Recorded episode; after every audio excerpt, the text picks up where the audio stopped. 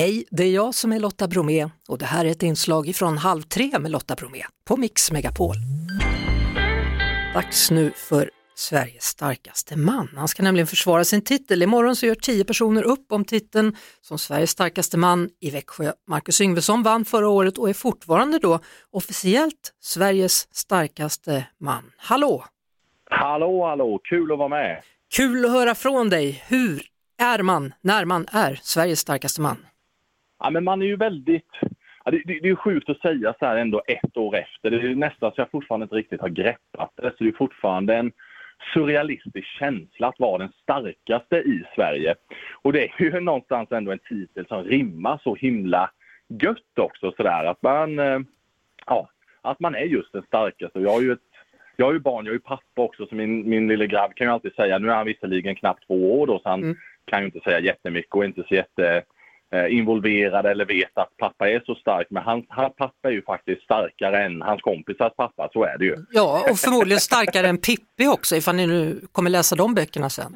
Ja, Pippi är väl, är väl tveksamt om han är stark. Hon brottade ju ändå ner stark Adolf med lätthet och, och, och lyfte upp en bil med kling och klang. Så det, och lyfte upp sin häst, det känns ändå tveksamt. Så Pippi är nog starkare ändå, får man lov att säga. Men du, hur lång är du? För du ser väldigt lång ut.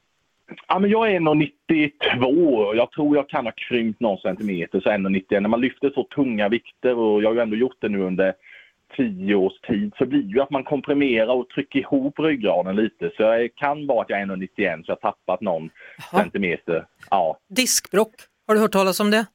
Ja, det har man ju hört talas om, men jag tror inte, peppa peppa, att jag varken har haft det eller har det, utan jag har nog bara allmänt on- ont i kroppen. Men du, när, när började du lyfta tunga saker egentligen? Ja, men jag började egentligen, jag är uppvuxen på landet utanför, utanför Stockarö, mitt ute i småländska skogarna. Så jag började ju lyfta egentligen väldigt tidigt fast jobba mer med kroppsarbete på gården. Var ju tidigt hjälpte min pappa och mina storebröder i skogen med att släpa stockar och, och sen... Sen drog du harven på, du drog harven ute på åkern, var det så? Ja, men li, li, lite, lite så. liksom. så jag, jag började ändå ganska tidigt. Jag var ju, men jag har annars varit väldigt lång och smal. När jag började styrketräna, jag är 29 år nu, när jag började styrketräna mer seriöst så var jag väl kanske ja, strax innan 18. Då var jag ju lika lång men vägde 80 kilo. Eh, som mest har jag vägt över 160 kilo, så det är ju lite, det är ju lite skillnad. Eh, Ja, så man kan ju säga att jag har ätit upp mig själv eh, på ett sätt. Jag har ju fördubblat min vikt. ja det har du gjort. Alltså, man, man tävlar ju då i sex grenar. Vilka Ja, grenar åtta är det här egentligen? Ja, men det, det är alltid olika. Till, till alla Jaha. tävlingar så är det olika. Men man kan säga att man ska testa egentligen kroppens alla styrkor. Du ska testa den mest statiska, att lyfta något så tungt som möjligt. Det kan vara ett, att vi ska lyfta en bil i bakänden eh, så många gånger som möjligt. Det kan vara att lyfta ett marklyft, så det ska vi göra, eller det ska göras imorgon då. Eh, Ja. Det ska pressas stock över huvudet, en stor trästock så tung som möjligt över huvudet. Då testar man ju mer axelstyrkan och ja, egentligen hela kroppen för den ska ju tas från backen och upp på raka armar. Mhm.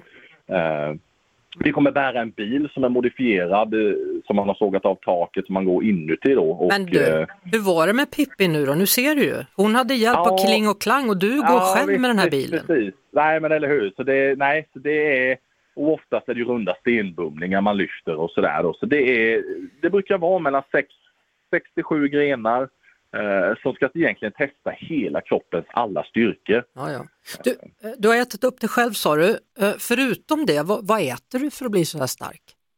Ja, men jag ligger ju på i snitt sådär 8000 kalorier om, om, om dagen. Eh, Men, men du, kan de, kan de 8000 bestå av kladdkaka och godis eller måste det vara liksom... Nej, Nej men inte, in- inte bara kladdkaka och godis såklart utan, utan stapeln är ju liksom riktig. Men det är ju mycket gräddsåser, det är mycket bearnaise, alltså det är mycket kalorität mat liksom. Men det är ju framförallt är det ju väldigt mycket mat är det ju. Jaha. Mycket kött och potatis och sådär. Sen slinker det ner kladdkakor och sånt där också för att för det är tufft att äta 8000 kalorier i ren mat, liksom i ren bra mat sådär.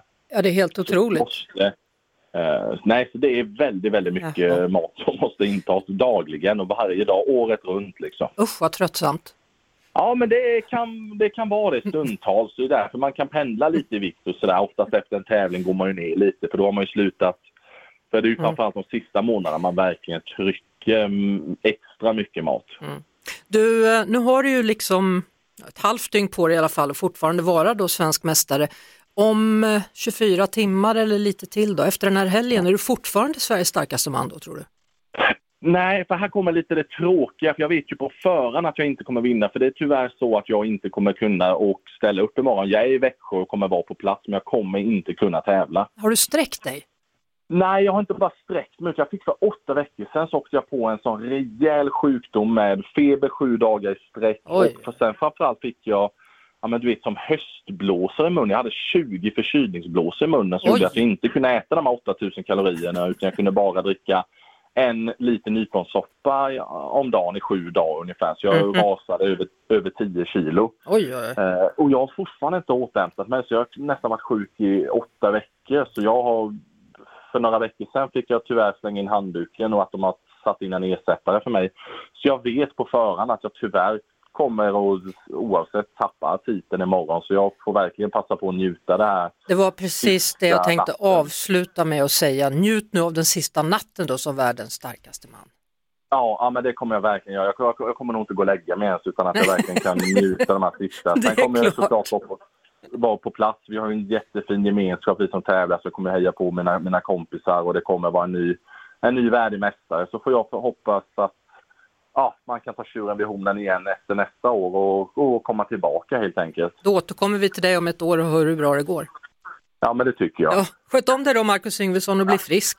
Krya på dig. Ja, men tusen tack för det. Ja. Tack ska du ha. Hej, hej. Ja, hej.